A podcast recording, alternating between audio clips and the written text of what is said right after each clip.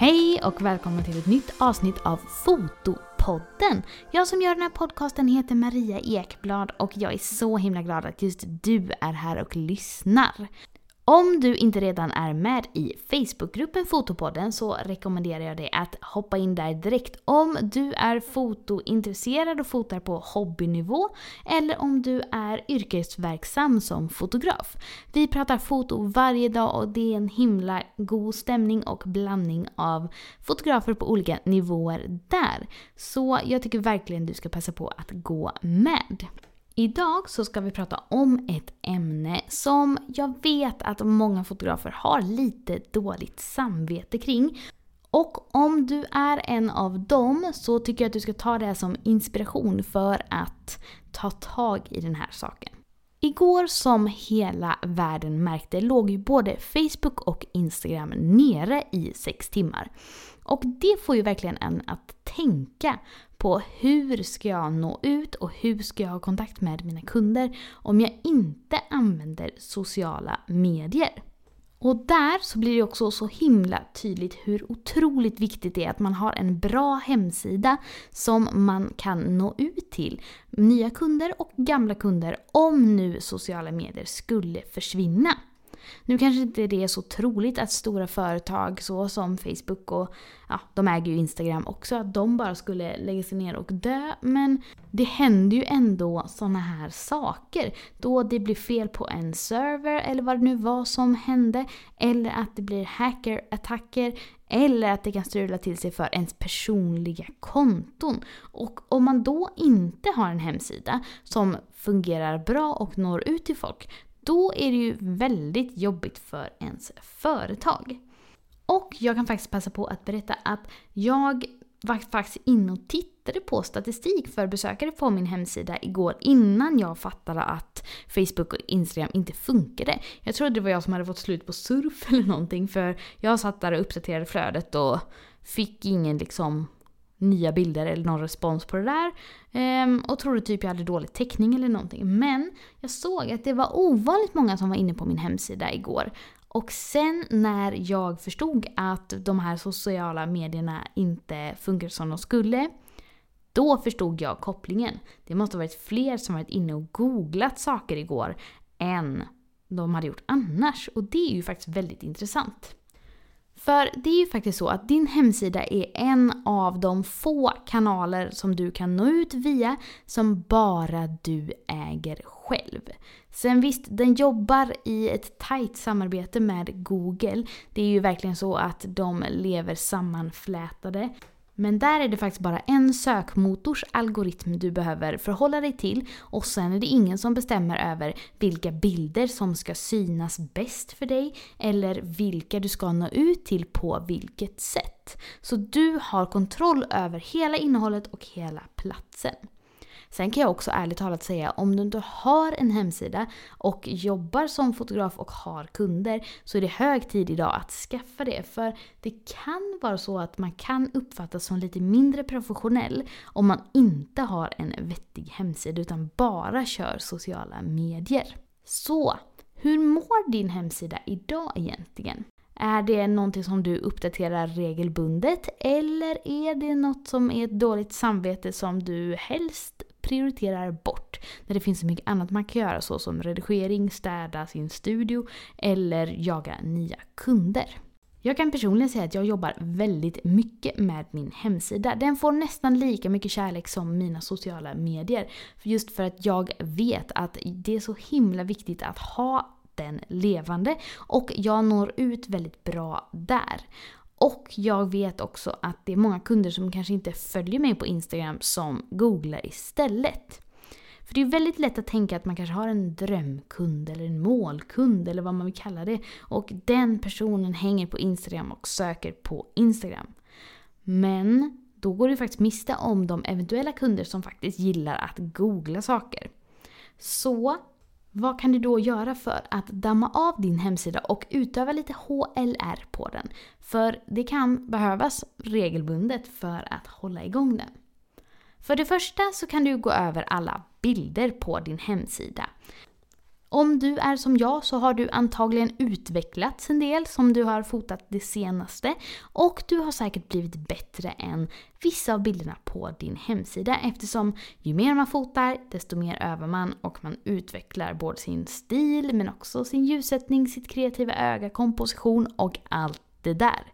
Så har du nya snygga bilder som inte finns på din hemsida som du bara lagt ut på Instagram då ska de ju absolut upp där för att du ska kunna visa kunderna ditt bästa senaste arbete och ha en uppdaterad fin portfolio. Det kan ju också vara så att man vill ändra lite inriktning eller få in någon ny sorts kund och då kan det ju vara värt att se över om man har bilder som speglar det.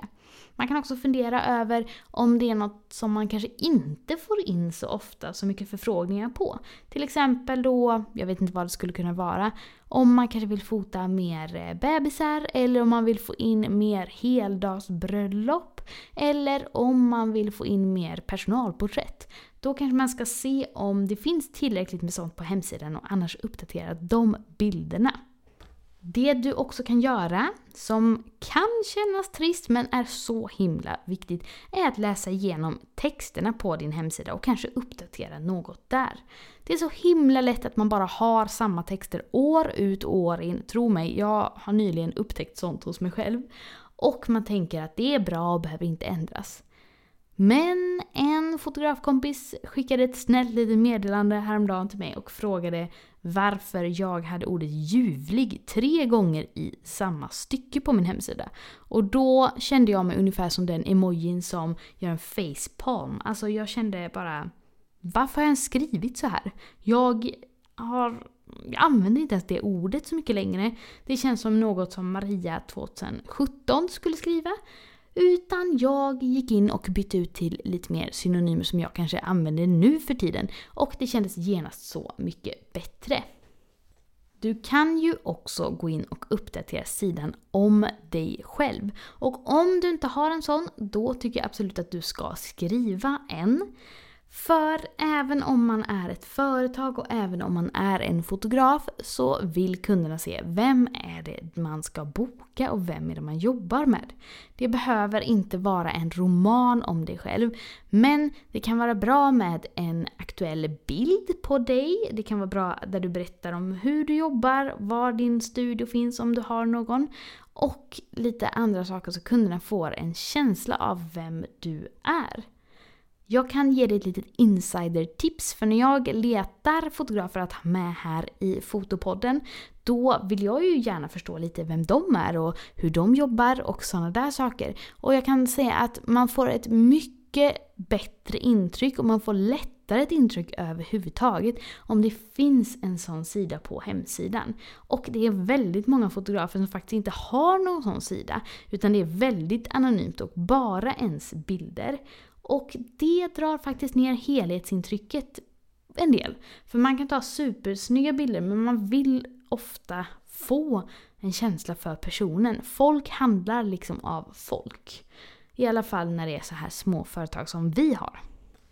Du kan också se över din SEO.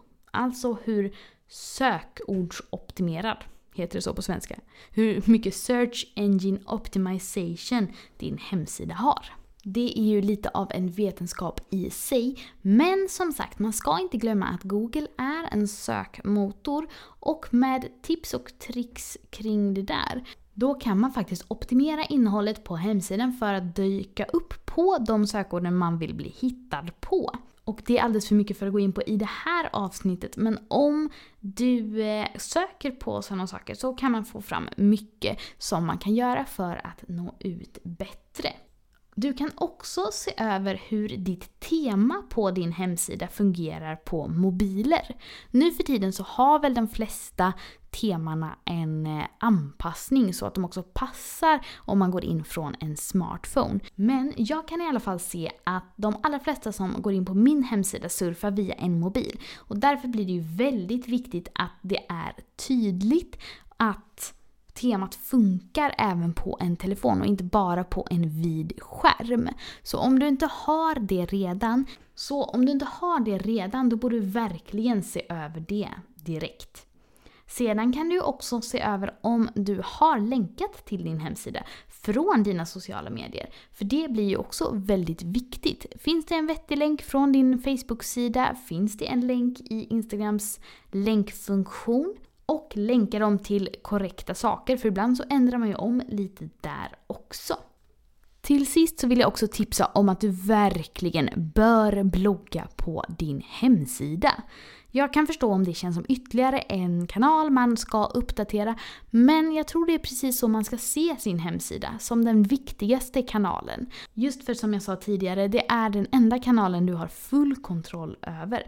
Och bloggande är väldigt bra för sökordsoptimering också. Så det tycker jag verkligen du ska lägga ner tid på.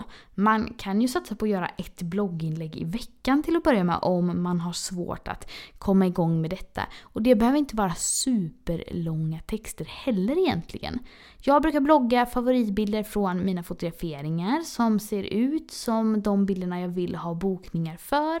Jag brukar skriva om vad jag gör i studion, jag brukar ha lite månadssammanfattningar och lite blandat. Det är ju verkligen en vanlig sak att uppdatera en blogg, men jag lovar att övning ger färdighet även där. Och det är verkligen bra för att Google ska uppfatta din hemsida som aktiv. Så om du inte redan gör det så tycker jag verkligen du ska börja med det. Det var alla mina tips för hur du ska kunna damma av din hemsida och ge den lite extra kärlek här i höst. Jag lovar dig, det kan verkligen vara värt det om sociala medier är nere eller krånglar eller om något skulle hända för dina personliga konton. För man är faktiskt väldigt sårbar i de här amerikanska jätteföretagens värld. Jag hoppas att du tyckte att det här var ett inspirerande avsnitt. Glöm inte att följa Fotopodden på Instagram också. Fotopodden heter ju Fotopodden där med. Jag heter fotograf Maria Ekblad på Facebook, Instagram och Youtube. Och vill du gå in och på min hemsida till exempel så är adressen mariaekblad.se. Det var allt för den här veckan. Ha det superfint så hörs vi snart igen. Hejdå!